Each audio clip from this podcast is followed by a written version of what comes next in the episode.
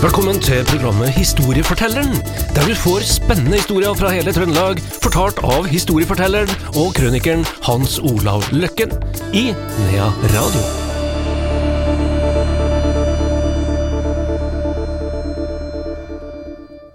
Historiefortelleren er tilbake igjen. Det er også Hans Olav Løkken. Velkommen, Hans Olav. Jo, takk. Vi eh, skal i dag eh, Ja, vi skal til Nærøy, Salsbruket, og så skal vi etter hvert til Snillfjorden. Du, vi har eh, i tidligere program også før snakka om barn som blir borte. Ja. Ganske mange. Mm. Og sikkert også en del mørketall, som var nesten borte, eller de har jo funnet og sånn, men og, og da skal vi først eh, til 1837, da, og historia om lille Grete. Eh, og denne historia har jeg fått hos Aslaug Bremseth oppe i Salsbruket, da, som ikke er så langt fra Nærøy. Og da må jeg benytte sjansen til å si det jeg har sagt et par ganger før, og det er at jeg sitter på ganske mange historier som jeg har fått tilsendt over, la vi si, en 20–30 år. Så når jeg refererer til at eh, jeg syns det er rett å referere til de som sender meg historie, her, og da bruker jeg selvfølgelig navnet på, men jeg kan jo ikke gå god for om de er fortsatt i live, da. For det ville blitt en eh, kolossal operasjon for meg å ringe rundt eh, på alle 500-600 historier jeg har og sjekke om folk er i live, da. Så eh, jeg ber jo om unnskyldning for det, da, men eh, jeg tror heller ikke at det er noen som, som tar det i lopp, da. Jeg vil heller nevne navnet på de som sender historier, tross alt, da. Så Aslaug Bremseth, hun fra Salsbruket, da, for en 20 år siden, hun sendte i hvert fall denne historien om hun lille Grete, da. Og hun lille Grete, hun var da fem år, og var i lag med foreldrene sine da selvfølgelig på det vi kaller Myrslåtta. Og det var jo et stykke oppe i skogene der.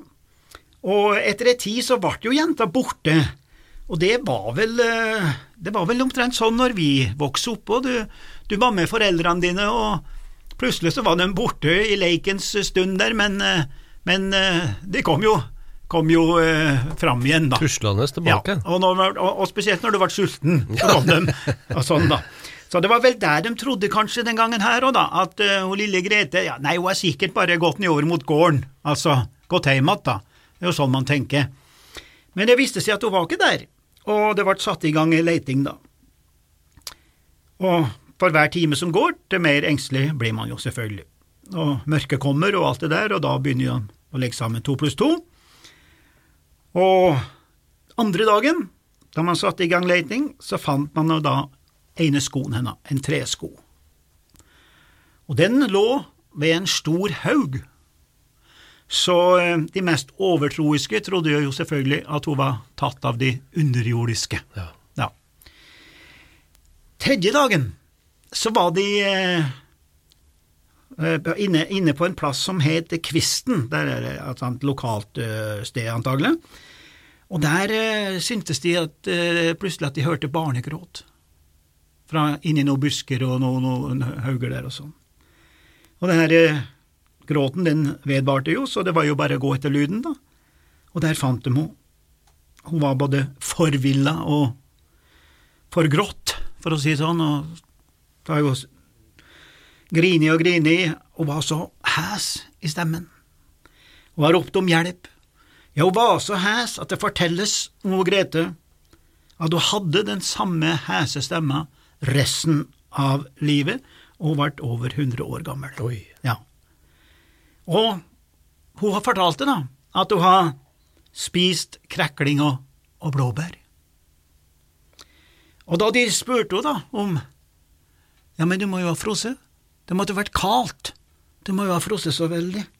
Nei, da forteller Grete at uh, Nei da, den store hunden var så god å ligge i natt. Han varma så godt, den store hunden. Men hun syntes så synd på den derre hunden, fordi han hadde mista rumpa si. Så uh, Grete, hun huska den derre hunden, eller rettere sagt bjørnen, resten av livet. Og folk, de kunne på en måte dokumentere dette her, fordi at eh, de hadde sett en- den nære bjørnen oppe i området som gikk i sitt revir, og den hadde en unge for noen uker siden. men så hadde den ikke noen unge, plutselig. Så det de tror, er at Bjørn, med andre ord, hadde adoptert hun lille Grete som sin egen. Det er jo en ganske nydelig og god liten historie. Ja, du verden. Ja. Det var en utrolig historie. Så drar vi eh, sørover, til Snillfjorden, og der skal vi møte en som heter eh, først Kåre Sæter, da, som har skrevet om eh, en merkverdig historie som skjer først på 1900-tallet. Eh, det var bestefar hans, han Nils, og naboen den Mikael, den drev jo sildfiske med drivgarden inne i, i Snillfjord en, en november måned. Og eh, de tok jo en, en, en, en halvtime på ryggen og tok seg en strekk mens de venta, og, og eh, han hadde sovna, og Nils der, da. Og så plutselig så blir han vekt av en mann som står i, i åpninga til den kalde lugaren, da, eller hva, hvor de ligger hen.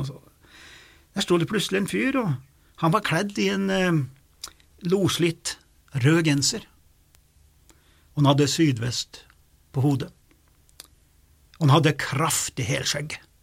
Du ser det for han. Ja, ja, ja. Siste Altså det er fiskerne og ja, ja. fra Boyer og alt der. Ja da. Så han sier, han med sydvesten sier, Nils, nå må du stå opp.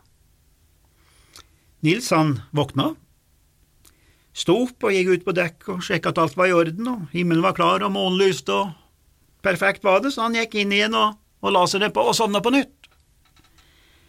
Samme drømmen igjen. Men nå kom han herre fyren fortere inn, og stemmen var litt skarpere. Nå må du stå opp, Nils! Kom deg opp! Og Nils, han eh, gikk igjen opp på dekk for å inspisere, men ingenting skjedde. Så han la seg nedpå. Og tror du ikke at han herre karen kom også tredje gangen? Og ikke bare han kom, men han tok en Nils i skuldre, da, og rista han og skreik at nå måtte han se og kom, se opp.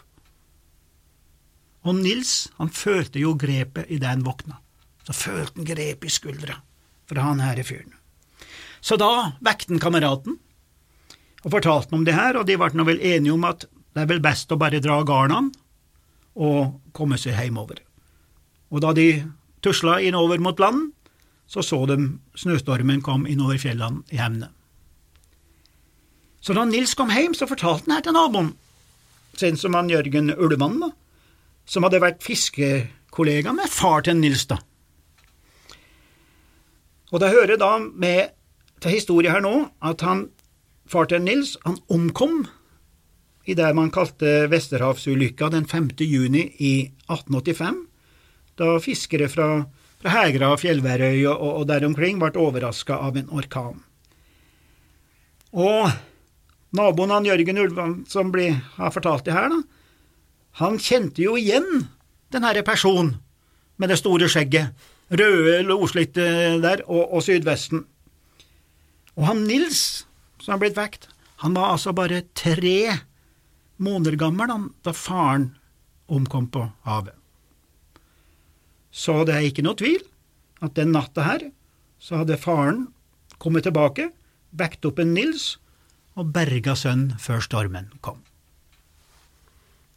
Nok ei utrolig historie her i Nea Radios Historiefortelleren, fortalt av vår historieforteller og krøniker Hans Olav Løkken.